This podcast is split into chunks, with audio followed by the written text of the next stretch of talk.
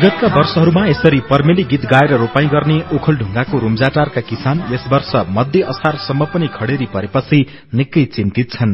सिंचाई सुविधा नभएका बस्तीका किसानले आकाशे पानीको भर पर्नुपर्ने बाध्यता छ।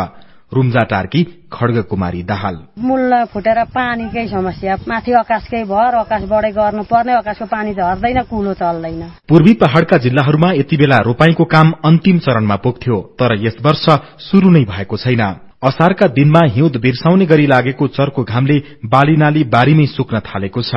लिखु गाउँपालिका साथ गामनाङका किसान मानबहादुर खत्री। रुनु हुँदैन कराउनु हुँदैन तर हामीलाई पुरा पढ्नु जति परिसक्यो हेर्नुहोस्। अब यतिखेर हाम्रो रोपाइ सकिन्थ्यो केही छैन सुकेर। पानी छँदै छैन। बिउ बिउ नै सुक्यो। वस्तु पाल्नलाई समेत पनि घाँसको बुटा समेत पनि सुकेको छ। अब बिउ राखेर पनि हुँदैन। अब हाम्रो ठण्डा पस्छ फेरि। सिन्धुलीको कमलामाई नगरपालिकाका गोपाल श्रेष्ठको खेतमा अघिल्ला वर्षहरूमा यति बेला धान कोदो लह लह भइसकेको हुन्थ्यो। तर यस पटक भने खेत बाँझै छ। ब्याडमा राखेको बिउ समेत कामै नलाग्ने गरी सुकेको छ। किसानलाई एकदम मार्ग परेछ के खानु र अब? धानै रोप्नु नपाएपछि। रामेछाप उदयपुर खोटाङ भोजपुर धनकुटा सहितका पूर्वी पहाड़ी जिल्लाका किसान खडेरीको मारमा छन्। खोटाङको हलेसी तुवाचुङ नगरपालिकाका किसानलाई समयमा वर्षा नहुँदा खेत बाँझै हुने चिन्ता छ।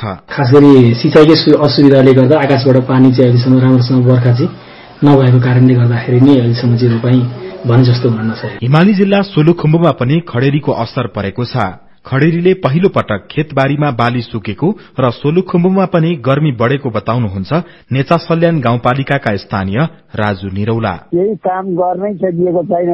अहिले त गर्मी पनि अत्याधिक गर्मीको यो ठाउँमा। नभए यस्तो हुँदैन पनि थियो। खाने पानीको मुहानहरू सबै सुकेर एकदम समस्या छ यहाँ त। खडेरीका कारण तल्लो क्षेत्रका किसान बढ़ी मारमा छन्।